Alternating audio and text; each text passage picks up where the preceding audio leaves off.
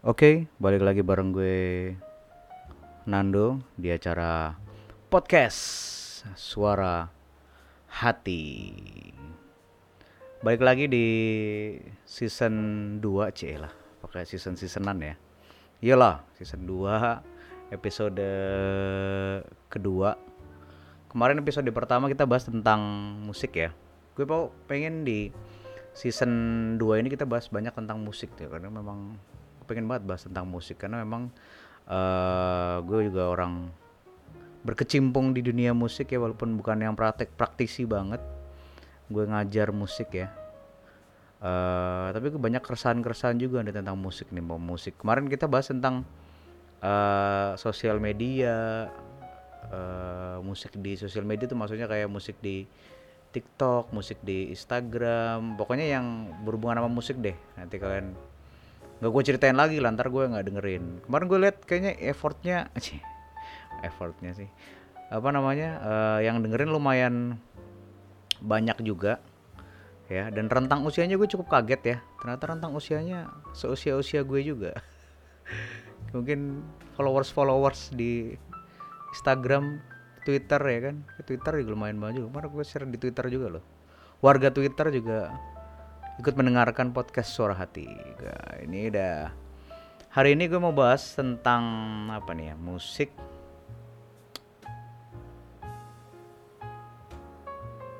Tentang musik di dunia pendidikan.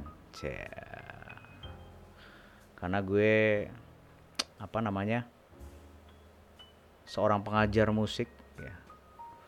Jadi cerita gue dulu eh, sambil kuliah. Oh jadi waktu kuliah gue masuk kuliah tahun 2000 kuliah tahun 2007 kuliah 2007 terus apa namanya eh gue dulu gue ceritain dulu ya. Jadi gue dulu pertama kali apa namanya masuk kuliah musik. Gue pikir tuh kuliah musik tuh kayak yang ini loh kayak yang apa namanya main musik terus tiap hari gitu kan atau eh, ngeband terus tiap hari. Ternyata enggak men. Main musik ternyata gue eh, ada teori-teori musik ternyata terus ada sejarah musik. Wah gila lo pa- pasti lo yang masuk kuliah musik tuh pasti lo pasti udah paham lah ya. Itu shock gue. Gue pertama kali itu langsung gue semester 1 tuh banyak yang gak masuk gue sampai nggak tahu IP IPK gue nggak tahu berapa gue sampai shock kali gue kalau gue tunjukin nanti. Ya karena emang kaget ya kan dari yang nggak pernah gitu kan tiba-tiba apa namanya uh ternyata kuliah musik nggak yang seru-seruan doang. Gue pikir dulu gue menghindari pelajaran-pelajaran yang membosankan membosankan menurut gue ya. Malah makin pusing masuk masuk kuliah musik. Ya jadi gue kuliah musik jadi gitu nggak nggak cuma ini doang main buat kalian yang eh, ntar kita bahas lah ya. Ada teman gue eh, banyak teman-teman gue ntar kita bahas bareng sama mereka bagaimana pengalaman. Jadi lu nggak lihat dari sudut pandang gue doang ntar dari teman-teman gue yang kuliah musik yang lain juga kita ntar share ya. Jadi gimana mereka menghadapi kuliah musik ya kan. Kuliah musik tuh dulu kalau zaman dulu ya kuliah musik tuh nggak tahu sampai sekarang ya. Masih dianggap eh, apa namanya kayak ya udah apa sih ngapain sih lu kuliah musik itu musik itu kan eh, entertain hiburan. Ngapain sih kuliah kuliahan gitu. Jadi kayak dianggap kayak ya udah biasa aja gitu. Ya nggak perlu lu kuliah ngapain lu musik nggak kuliah kuliahan segala ya kan tapi gue dulu ingat kata-kata dosen gue ya. Jadi eh, apa namanya dosen gue bilang em, musik ya kan kenapa eh, musik nggak nggak nggak sama sih kayak kayak kuliah-kuliah yang lain gitu kan. Musik gue nggak sama ke saya kayak kuliah dokter gitu misalkan atau kuliah hukum atau kuliah ekonomi gitu kan.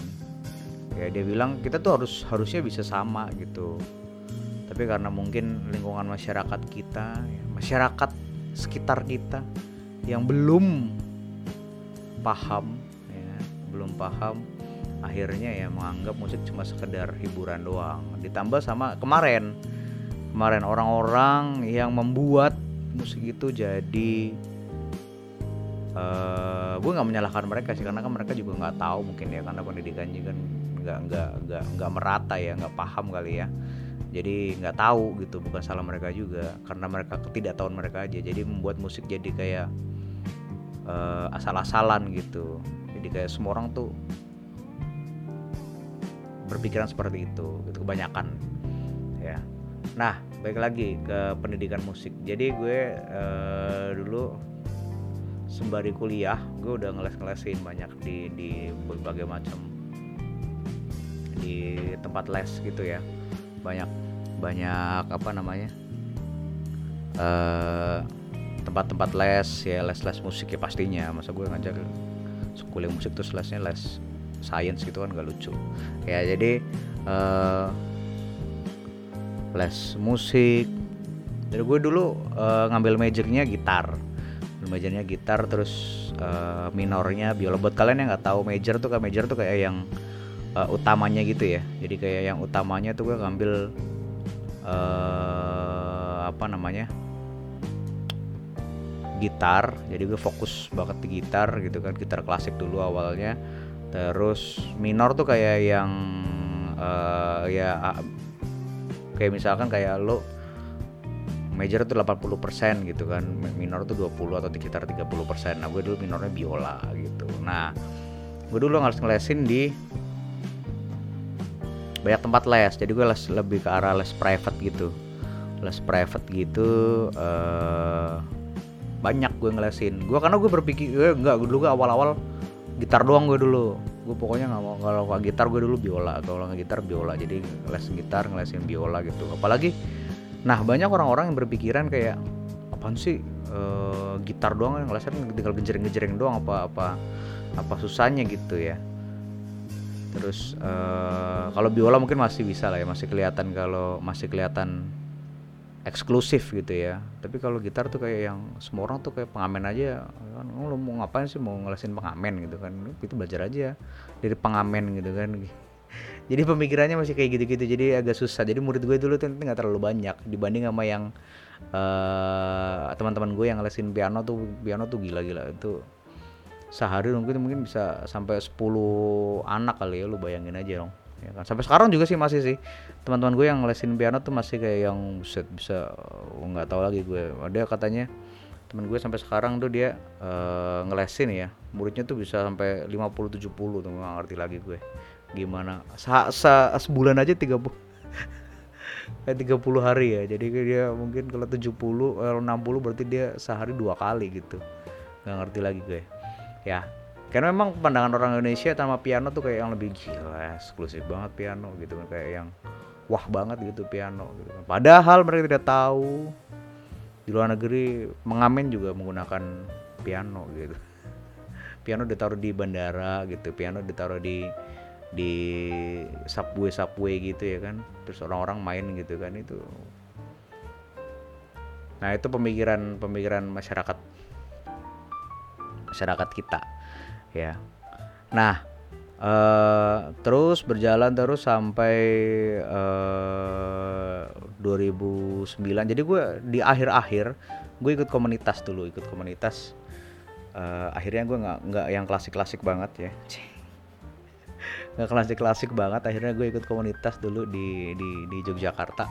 Di Jogja buat komunitas uh, komunitas jazz gitu ya akhirnya ketemu teman-teman ketemu apa namanya terus awalnya sih nonton nonton gitu ya orang-orang nonton nonton dulu. Seru banget kayak orang-orang ini ya kayaknya gembira banget gitu main musik nggak kayak gue dulu kalau klasik tuh kayak yang resmi banget gitu kayak yang kaku banget gitu ya. Jadi uh, gue ngobrol-ngobrol mereka akhirnya gue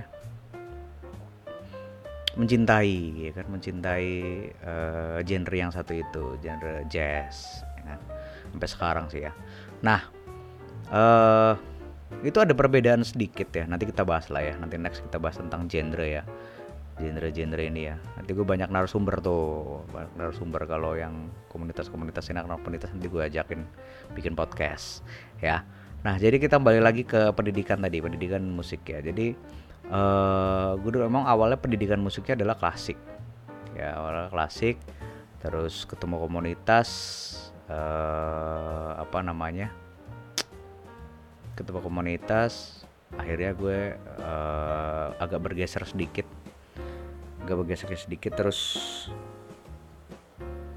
uh, itu udah bukan bergeser sedikit lagi sih. Kalau klasik ke jazz tuh bergesernya udah jauh banget. Tapi ini jadi pertanyaan gue sampai sekarang ya. Gue dulu waktu zaman di klasik ya uh, beberapa teman-teman gue juga uh, yang di klasik gue pernah ketemu atau gue gue cerita sama gue diri gue sendiri lah ya waktu gue main klasik gue hanya bisa main musik waktu ketemu not. Nah itu gue masih belum masih pertanyaan yang masih gue gue gue pertanyakan sampai sekarang nih. Kenapa yang main-main klasik? Nggak tahu ya gue apa gue doang atau tapi gue lihat beberapa teman gue uh, kayak gitu. Jadi kalau main klasik dia udah yang getol banget gitu klasiknya ya. Dia bisa main musik bisa main piano bisa main gitar kalau pas lagi ada notnya kalau notnya kita angkat nih ya kita angkat notnya dia udah kagak bisa lagi. Ya bisa sih mungkin kayak yang hafalan-hafalan gitu ya kan ada beberapa kalau lagu yang sering kita mainin repertoire kalau bahasa dulu bahasa bahasa bahasa anak musik itu repertoire repertoire repertoire yang kita mainin itu ada beberapa yang udah kita hafal gitu. Jadi nggak perlu kita not eh, nggak perlu kita lihat not gitu udah udah hafal gitu. Tapi kalau misalkan atau gini deh misalkan lo uh, apa namanya main satu satu lagu gitu uh, nada dasarnya misalkan di C gitu. Terus kalau lo pindah gitu ke D gitu yang anak klasik tuh kayaknya agak-agak ribet tuh. Kecuali kita kita tulis lagi notnya ya. Gue dulu gitu banget tuh susah banget itu kayak yang nggak tau kenapa ya apa emang apa memang kayak gitu? Apa oh, gue nggak tahu sih.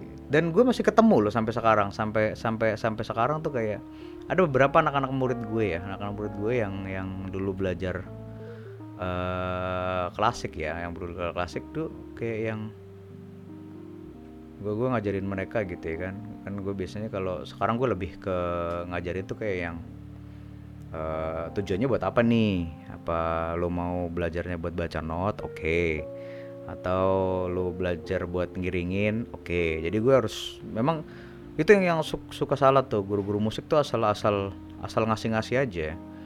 Kamu dasarnya harus ini ya gitu. Tapi nggak gitu men. Ya ada sih yang kayak gitu ya terserah lu, lu sih. Gue gitu pun saran gue doang.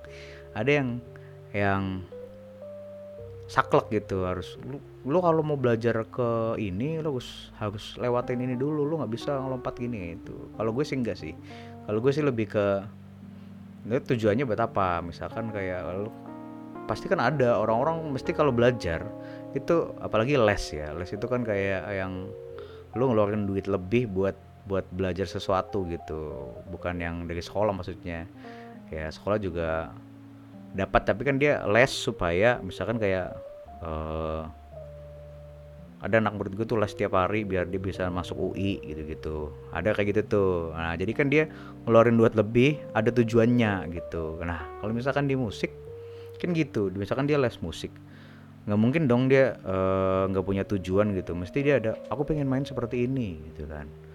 Aku pengen bisa uh, apa namanya ngeband gitu sama sama teman-teman karena aku tidak diajak ngeband gitu ya kan bisa aja kayak gitu. Atau uh, aku pengen pengen uh, keren aja gitu. Bisa main kayak yang di YouTube YouTube gitu. Nah itu berarti ada tujuannya.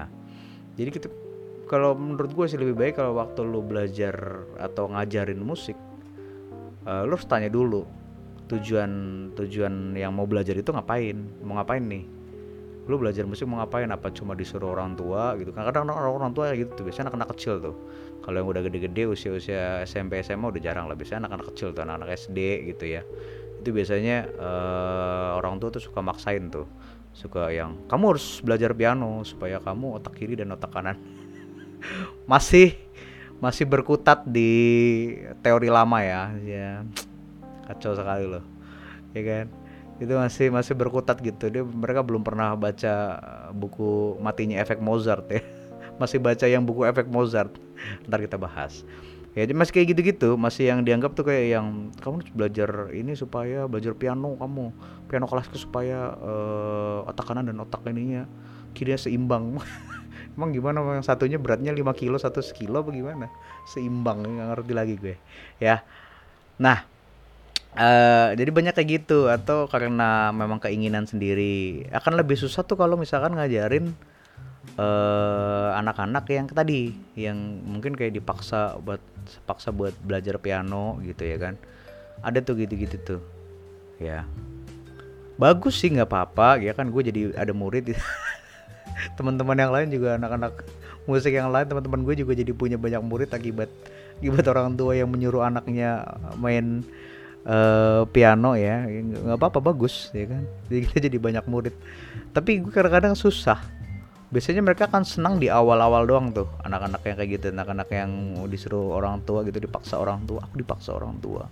Enak banget lu dulu dipaksa orang tua buat belajar eh sekarang di, buat belajar musik. Gue dulu gue memaksakan diri.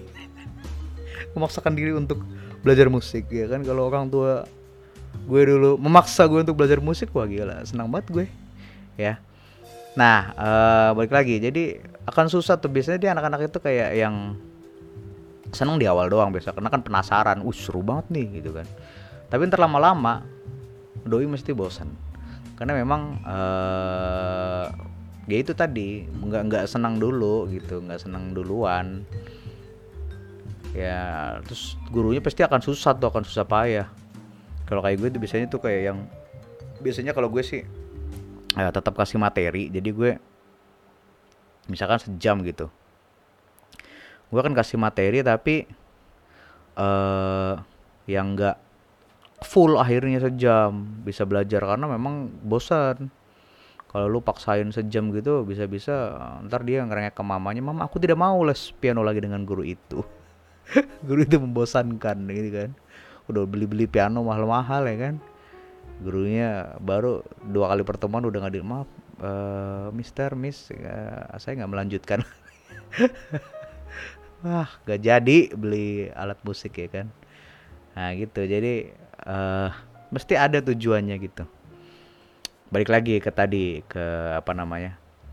Klasik tadi. Nah gue gue masih mau bertanya-tanya nih. Nanti gue mungkin akan podcast sama orang yang lebih tahu ya. Kalau menurut pendapat gue sih menurut pengalaman gue bukan pendapat menurut pengalaman gue teman-teman yang gue sendiri juga mengalami hal kayak gitu dulu. Jadi uh, feelingnya tuh kayak kayak mati gitu tuh maksudnya. Kayak jadi kayak yang lu nggak bisa uh, feeling lu nggak jalan gitu. Kayak misalkan uh, ngiringin gitu. Misalkan eh kalau gue dulu main klasik ya. Gue dulu masih mending karena gue masih ngiring-ngiringin di gereja gitu. Masih ngiringin di gereja. Jadi kadang-kadang suka masih bisa lah ya feelingnya masih jalan. Karena kan waktu lu main klasik lu pakai not terus waktu di gereja lu lepas not lu harus ngiringin bener-bener ngiringin gitu. Yang lagu gitu ya. Lagu-lagu rohani gitu ya. Jadi harus harus harus bisa gitu. Nah ada beberapa yang enggak yang dia yang klasik banget tuh kadang-kadang susah banget.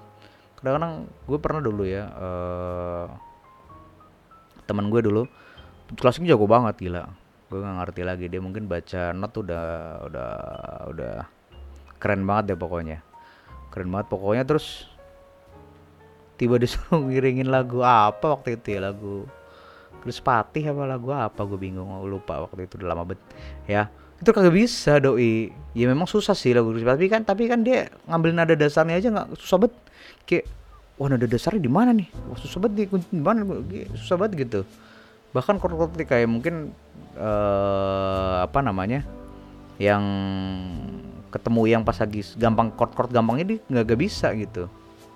Nah itu gue jadi masih jadi bahan pertanyaan gue sampai sekarang nih kenapa dia ya kan? Gue dulu juga kenapa kok bisa kayak gitu ya? Nah sempat gue juga ya waktu di gue udah lulus tuh gue akhirnya kan ngajar di uh, gue dapet panggilan kerja gitu di Jakarta buat ngajar di sekolah musik.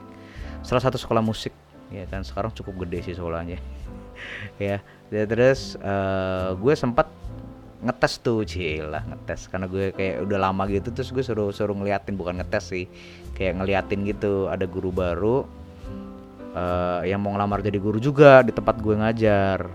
Nah doi salah satu lulusan uh, musik juga dari perguruan tinggi yang keren lah pokoknya. Keren gue gue gue salut lah ya pokoknya kampusnya keren.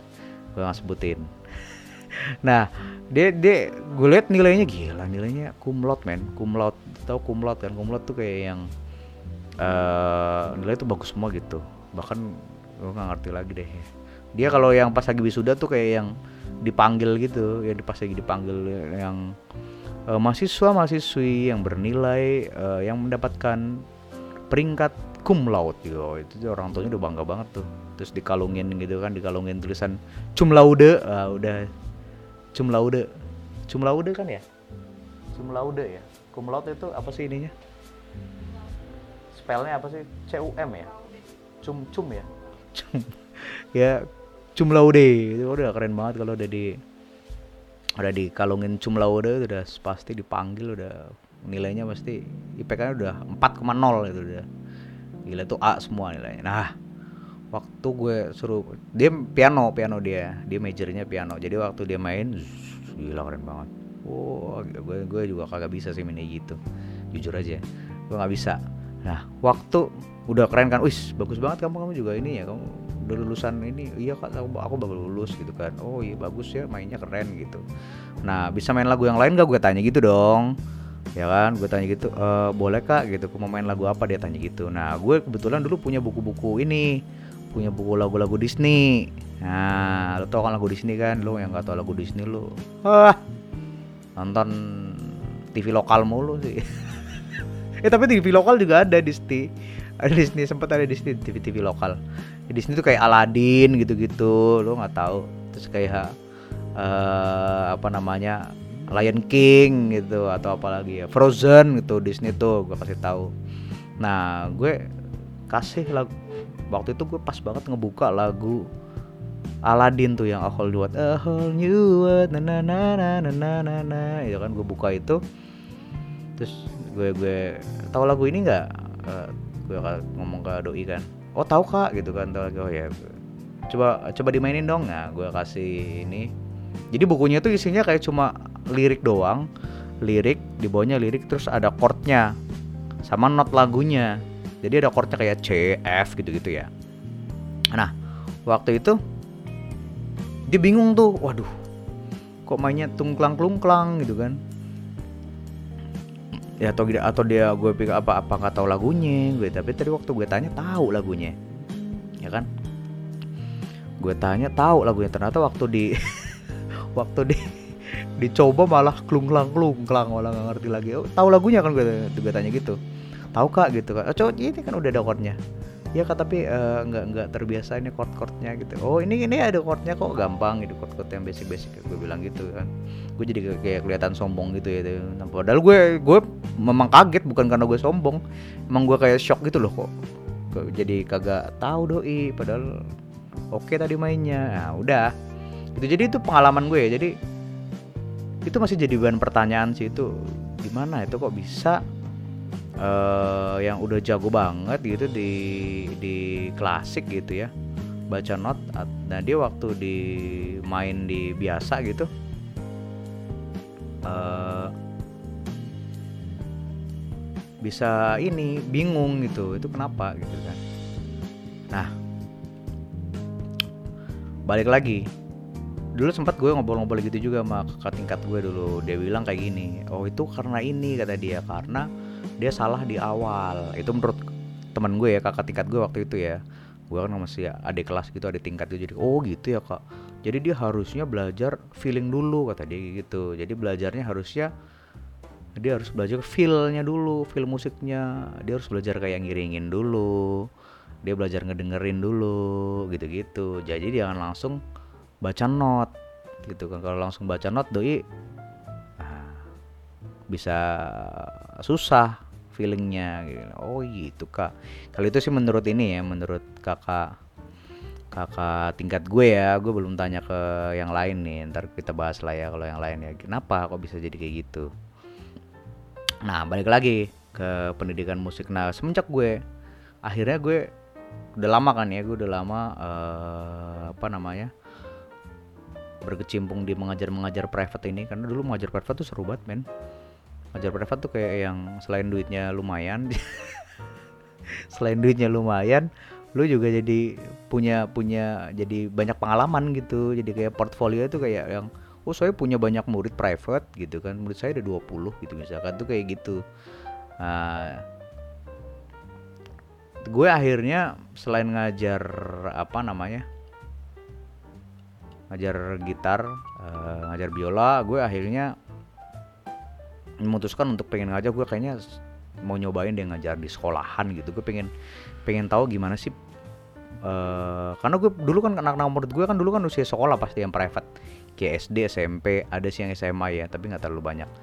Uh, eh, SMP sih ya usia SMP tuh banyak banget sama SD nah gue penasaran uh, kan di sekolah mereka dapat tuh pelajaran seni musik ya. Kayak gue dulu pasti kalian dulu semua juga pasti dapat pelajaran seni musik gitu. Nah yang mereka pelajari tuh masih sama nggak sih waktu kayak yang gue pelajarin dulu? Kayak waktu pelajaran kita dulu kan kayak kalau di sekolah gue dulu waktu SD ya gue singkat gue dulu belajar uh, do re mi. Do re mi do re mi do re mi fa sol si do gitu gitu terus gue dulu belajar uh, apa namanya pianika gitu gitu gue dulu belajar gitu waktu di SMP baru gue belajar di SMP gue dulu kenal band tuh. SMP gue belajar uh, apa namanya? Sama juga sih ya gue kok dulu. SMP juga kayaknya nggak ada nggak ada nggak ada ini nggak ada perubahan ya gue seni musik ya paling belajarnya gitu do re gitu gitu ya. Terus apa namanya uh, apa namanya alat, alat musik alat musik daerah gitu gitu terus uh, apa namanya lagu-lagu daerah gitu-gitu lagu nasional gitu. Sampai gue dulu punya berarti kalian punya ya buku-buku lagu-lagu nasional gitu lagu-lagu daerah gitu ya. Pasti punya dulu. Nah gue penasaran gue gimana sih apa apa mas udah berubah atau uh, apa namanya apa masih sama kayak dulu gue sekolah? Akhirnya gue lamar tuh lamar di S gue dulu pertama ngajar sekolah tuh di di SD gue dapat SD dulu ngajar di SD jadi gue ngajar anak-anak SD nih kelas 1 sampai kelas 6 gue ngajar. Dan itu gue baru gue baru banget ngajar kelas beneran yang kelas gitu yang banyak orang gitu ya. Bukan ngajar private. Itu itu cukup kesusahan sih gue ya untuk ngehandle kelas. Karena kan gue biasa ketemu uh, satu orang satu orang gitu. Paling banyak dua orang lah gitu kan ya Nah ini ketemu langsung satu kelas men. Kayak misalkan eh, uh, 20 orang, 25 orang, 30 orang tuh gila Lu ngehandle-nya gitu. Apalagi lu ngajarin musik gitu ya. Nah gue baru pertama kali tuh Jadi gue mendapat banyak bimbingan sih Bimbingan Bimbingan rohani Ya kan. Terus juga ngajar uh, Gue lihat gue kan ngajar seni musik ya. Kebetulan gue ngajar dulu di sekolah swasta. Gue nggak nggak sempet nggak sempet ngajar negeri sih ya. Mungkin tahun depan gue nyobain. Nggak gue ngajar ngajar uh, apa namanya di sekolah swasta gitu. Jadi di sekolah swasta itu dari di ada seni musiknya ada sekolah ada seni musik. Nah gue gue nanya dong ya kan ada buku-buku khusus nggak gitu ya? Buku-buku yang biasanya kan kalau sekolah kan mesti pakai buku. Oh ada gue baca bukunya gitu kan. Kalau di sekolah itu namanya seni budaya men. Jadi kalau seni musik itu seni budaya. Jadi dia ada empat. Ada seni bu, seni seni budaya itu ada empat. Ada seni musik seni rupa. Seni rupa tuh kayak yang uh, bikin-bikin lukisan gitu-gitu ya pahat memahat gitu ke patung terus seni tari sama seni teater. Nah itu ada empat tuh. Nah tapi kalau di sekolah tuh biasanya boleh milih dua. Antara seni boleh pokoknya antara dua itu nggak mesti lu pelajarin empat empatnya kalau di swasta gitu kan. Nah jadi uh, gue ngajak ada jadi ada guru seni rupanya ada guru seni musiknya ada gue. Dulu kebetulan gue guru seni musiknya. Nah gue ngajarin tuh ikutin buku kalau kelas 1 gue dulu ngajarin uh, karena kan mereka masih kayak yang ngebaca gitu ya ngebacanya masih kayak yang susah-susah gitu ya belum bisa yang baca, baca lancar gitu ya atau nulis lancar. Akhirnya gue dulu ngajarin uh, memang materinya memang kayak menyanyi gitu gitu ya bernyanyi gitu gitu materinya nyanyi. Nah gue banyak bahas tentang uh, mereka nulis nulis lirik nulis lirik jadi menulis dari lagu nasional atau lagu-lagu daerah gitu-gitu. Terus kalau kelas 2 mereka dulu gue ngajarinnya eh apa namanya udah mulai tuh udah mulai kenal kenal not. Dulu sebenarnya waktu kelas 1 sih udah sih cuman mereka kan karena eh mereka kan lebih ke arah having fun dulu ya kayak yang seru nih belajar musik nih nyanyi nyanyi gitu ya kan. Nah gue mulai eh, kasih materi not tuh jadi not not. Eh, do re mi fa sol la si do. Buat basic mereka. Itu kan basic banget mereka harus tahu gitu gitu nah aja terus ketiga empat lima enam gitu gitu mulai belajar belajar instrumen-instrumen kayak pianika eh, suling gitu gitu nah yang jadi bahan pertanyaan gue adalah eh kalau gue ketemu sama eh, sekolah-sekolah lain gitu ya kan gue udah beberapa kali pindah beberapa kali pindah ngajar gitu ya di sekolah-sekolah sekolah-sekolah ya. Jadi gue setelah ngajar eh, SD gue akhirnya pindah ngajar SMP gitu-gitu. Dan setiap murid yang yang gue ajar itu kayak yang waktu gue ngajarin ngajarin musik harusnya kan mereka kayak udah pernah gitu dapat pelajaran itu. Kalau kelas 1 mungkin belum lah ya karena kan kelas 1 kayak yang baru new banget yang fresh banget ya. Dari TK ke TK nggak mungkin ada pelajaran musik dong ya kan? Nah biasanya kelas mulai dari kelas 2 tuh. Kelas 2 atau yang paling mencolok banget tuh kayak kelas 6 kelas 6 kelas 5 itu kelas 4 atau di SMP tuh kayak ya SMP kalau kelas 1 lah ya. Kelas 1 mungkin kalau kelas 1 kayak misalkan mis- eh, di SD-nya nggak ada pelajaran musik ya oke lah ya. Atau mungkin kayak yang masih eh, new banget ya. Aku aku nggak pernah dapat pelajaran musik nih di SD pak. Gimana? Nah, itu mungkin wajar lah ya. Nah kelas 1 SMP atau kelas 7 sekarang bilangnya kelas 7, 8, 9 SMP bahkan kelas 9 waktu gue ngajarin musik pertama kali itu kayak mereka kayak yang wah saya baru tahu pak gitu. Kalau ternyata maksud gue lah dulu guru-guru sebelumnya tuh ngajarin apa? Ngajarin apaan gitu maksud gue kan itu kan kita dulu itu pasti teman-teman gue juga. Maksudnya kayak yang anak-anak musik juga gitu atau cara mengajarnya gimana gitu gue nggak paham gitu. Jadi eh mereka kadang-kadang bingung kayak misalkan gue ngajarin eh, pernah gue di SMP yang ngajarin eh tangga nada do re mi fa sol la si do. Ya itu kan kayak tadi gue cerita tadi gue di SD tuh udah ngasih tuh do re mi fa sol la si do dari SD nah bisa di SMP mereka kayak yang baru tahu pertama kali gitu men. Itu kayak yang shock banget gak sih lo? Kayak yang ah, gue gimana? Masa gue ngajar gimana gue? Masa eh, kagak tahu gimana gue mau? Padahal kayak SMP tuh kayak lo harus yang kayak ngeband ngeband gitu kan kayak yang seru gitu harusnya. Tapi sementara lo eh, harus ngajarin mereka dulu nih do re mi fa sol la si do gimana mau ngeband kalau lo nggak tahu do, do re mi fa sol la si do ya kan gimana ya kan? Masa cuma eh, tiru-tiru doang ya kan? Meniru-meniru doang kan nggak nggak berkembang nanti. Nah akhirnya eh, ya gitu. Yang jadi bahan pertanyaan gue kok bisa gitu? Eh guru-gurunya ngajarin eh beda gitu ya. Ngajarin beda eh akhirnya gue bingung gimana bingung jadinya eh ngajarinnya jadi gimana? Mulainya dari mana? Apa gue langsung kasih aja? Ya kan? Dan tapi sih nggak nggak semua sih nggak banyak. Tapi cukup eh, nggak banyak dan nggak sedikit juga gitu yang kayak gitu. Akhirnya kan lu pasti bingung dong. Ya kan? Apalagi usia-usia yang udah SMP itu kan lu ya masa lu ngajarin lagi dari yang harusnya dia dapat dari SD lu ngajarinnya di apa namanya di SMP gitu. Terus ada juga nih gue keresahan gue juga nih ya, keresahan ini keresahan nih ya kan? Terserah lu mau mau mau mau mau mau ini mau terima atau enggak ya kan namanya freedom of speech ya kan? Keresahan. Jadi gue dulu waktu ngajar SMP ya ada dulu pelajaran seni musiknya tuh kayak eh sejarah musik men. Gila nggak lo jadi kayak yang itu kayak dulu gue kuliah men itu sejarah musik. Jadi dia bahas tentang eh, ya tahu sih kalau menurut gue kalau kalau ben ya, gue sampai sampai gak tau lagi berkata-kata apa. Jadi jadi kayak di kayak sejarah di SMP tuh mereka belajar kayak sejarah musik barat gitu-gitu sejarah musik Asia gitu-gitu. Ya ya nggak apa-apa sih menurut gue. Tapi kan kalau menurut gue sih ya kalau menurut gue nih kalau menurut gue sih kurang tepat sih ya kurang tepat kalau belajar kayak gitu sih. Itulah udah udah udah.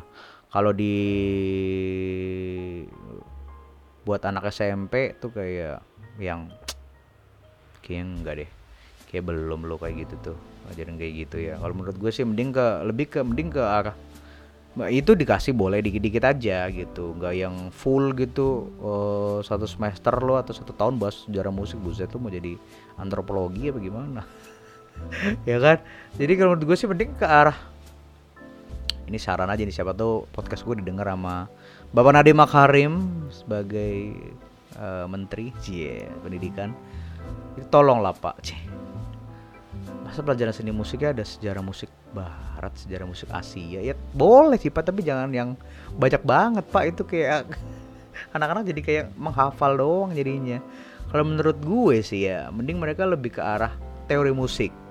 Itu paling bener sih. Jadi kayak gue dulu sempat ngasih tuh. Jadi karena memang itu harus ya kalau sejarah musik itu karena memang udah di buku ada jadi gue mau ngemur ngajarin ke mereka. Nah tapi gue di sela-sela itu gue biasanya ngasih teori musik tuh teori musik kayak misalkan uh, harmonitor uh, harmonisasi kayak yang chord chord C lah. Gue gue lebih ke arah yang uh, aplikatif ya. Jadi kayak yang chord C kunci C itu asalnya dari mana gitu. CG gitu. Gue ngajarin kayak gitu. Atau misalkan ngajarin uh, ngebaca birama gitu ya kan. 4 per 4, 3 per 4, 2 per 4 gue ngajarin kayak gitu. Jadi yang lebih teorinya aja yang yang yang pasti ntar ya akan ketemu gitu-gitu. Kalau pas lagi tiba-tiba disuruh temannya main musik dia tahu gitu kan. Ya kan? Uh, nggak yang sejarah musik men lu. Gimana sih gue?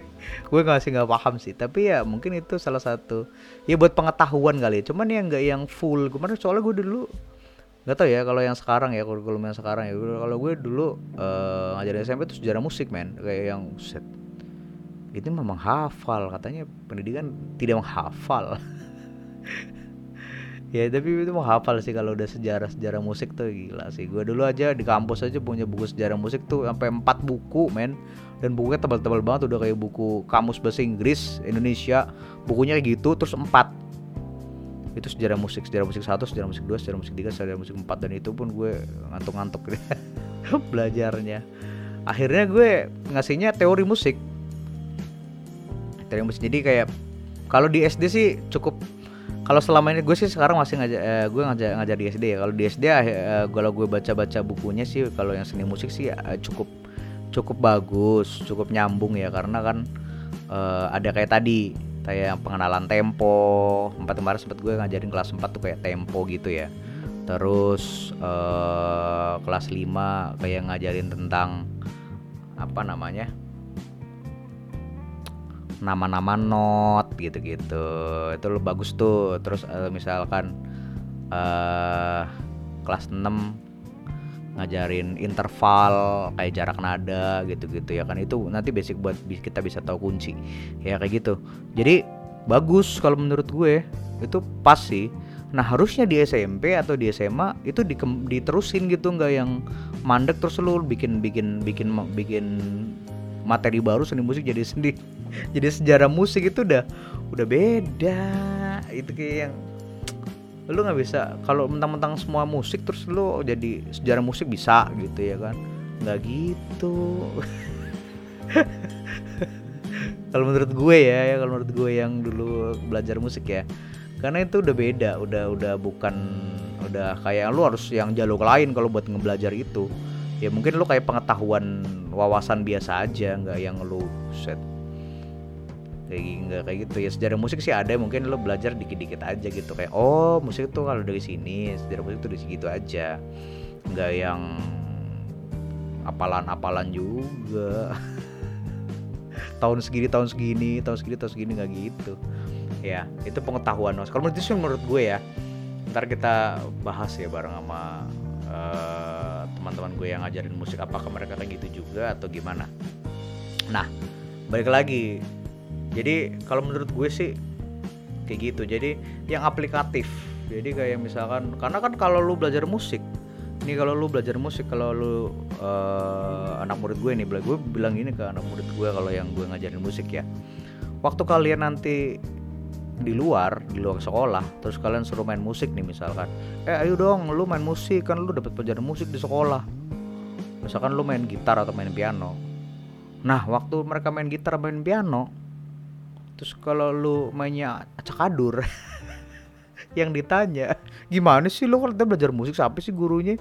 Gue gurunya ya kan Ando gue juga yang kena. Jadi itu jadi kalau lu nggak aplikatif uh, pembelajaran musiknya musik itu kan aplikatif. Nggak yang harus harus harus yang ditunjukin dong.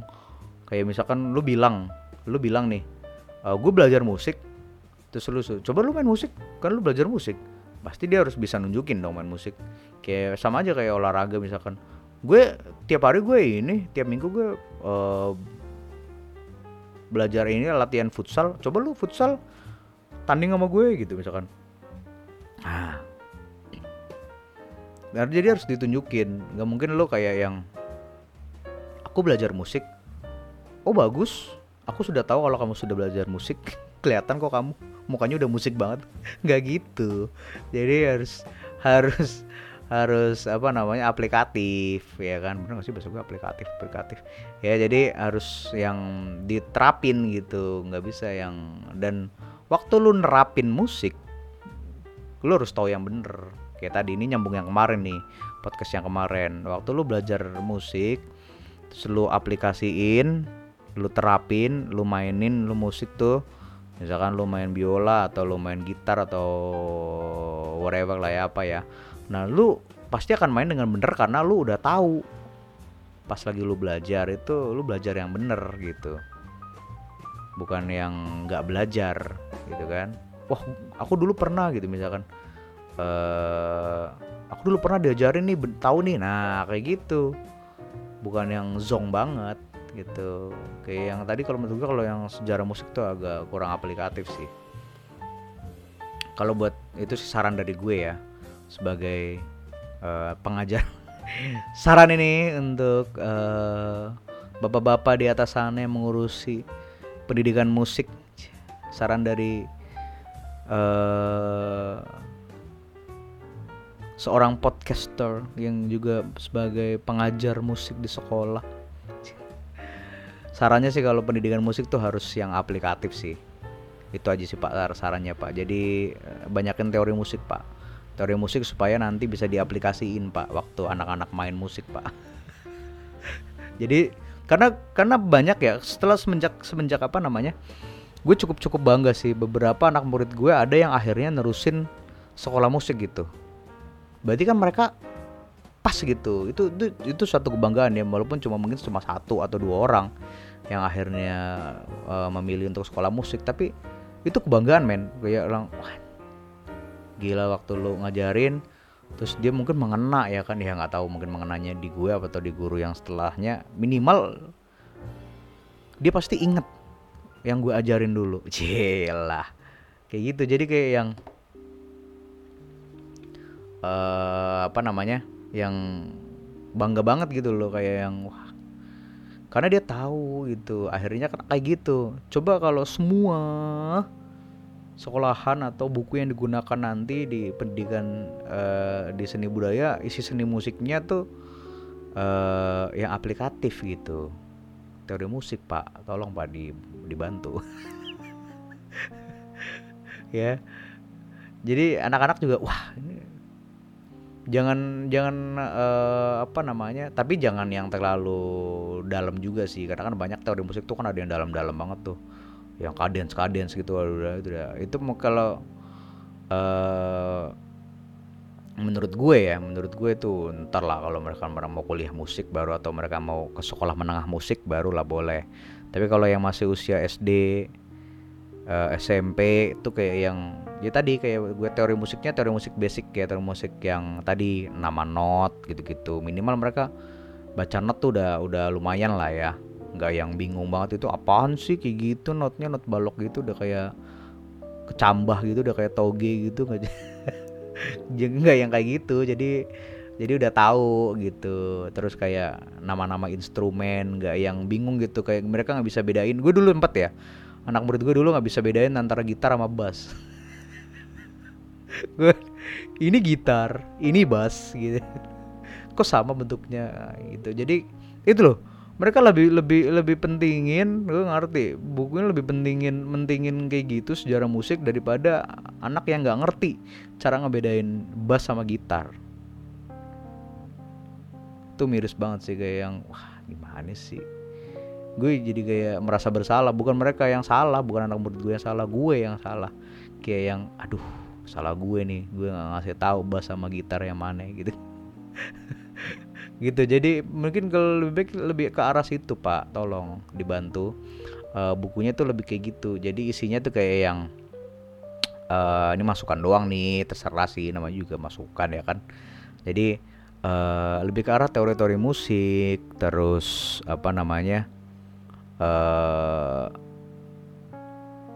jenis-jenis alat musik. Nah, kalau di SD tuh ada tuh, uh, ada tuh uh, jenis-jenis alat musik. Gue udah ngajarin tuh kayak yang alat musik ini uh, sumber bunyinya dari membran gitu-gitu. Alat musik ini dari uh, udara gitu-gitu.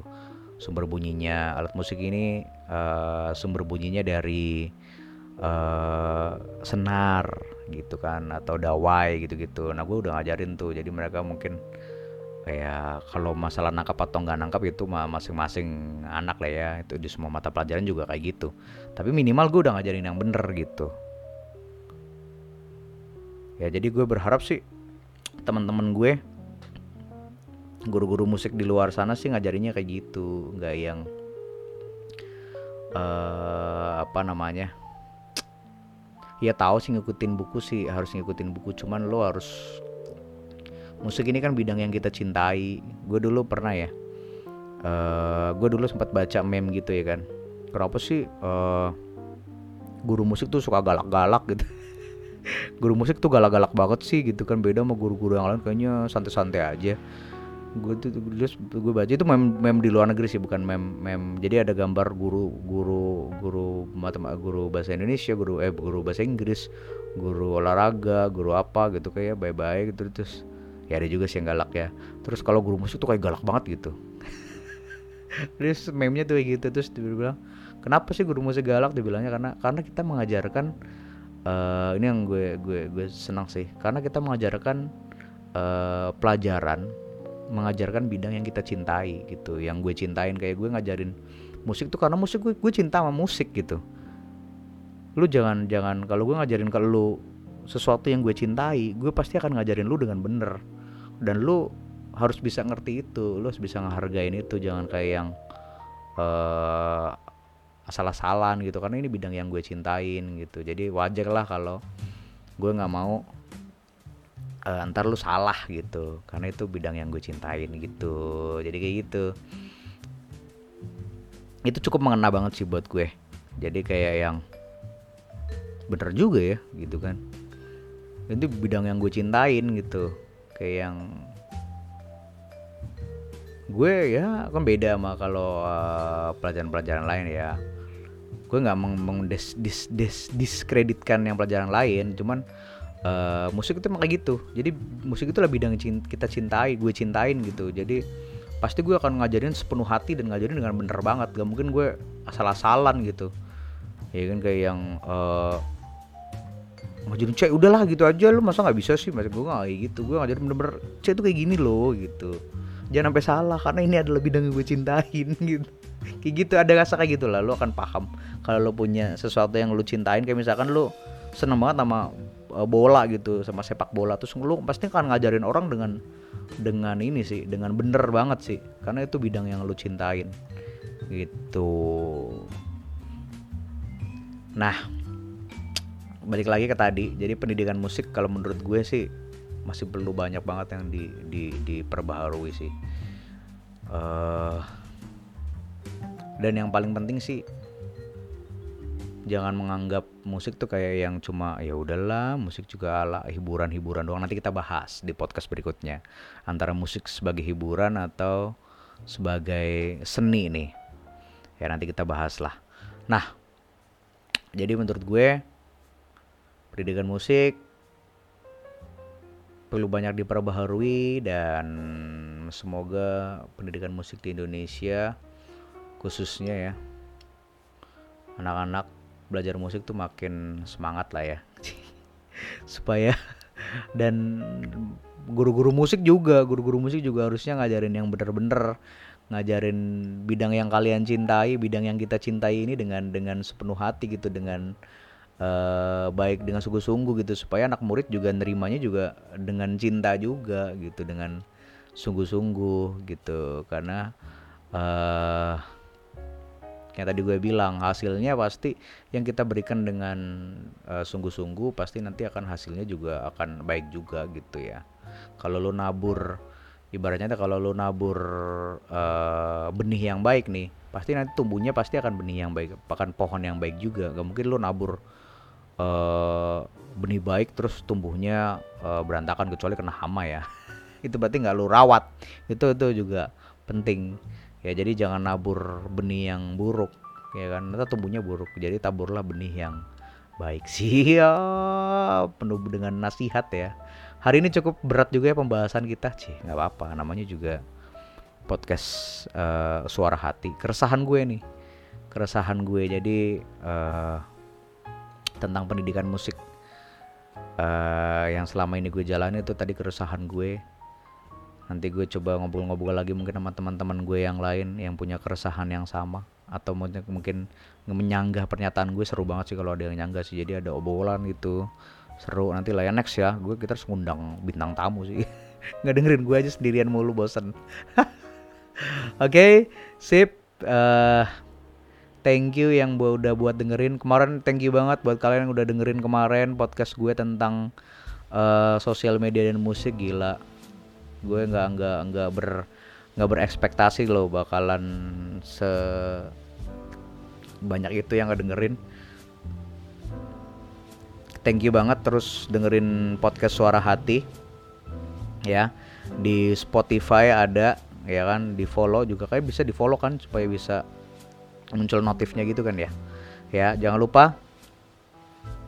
Dan tetap uh, ngedengerin podcast dari gue Nando di podcast Suara Hati. Thank you guys. Bye.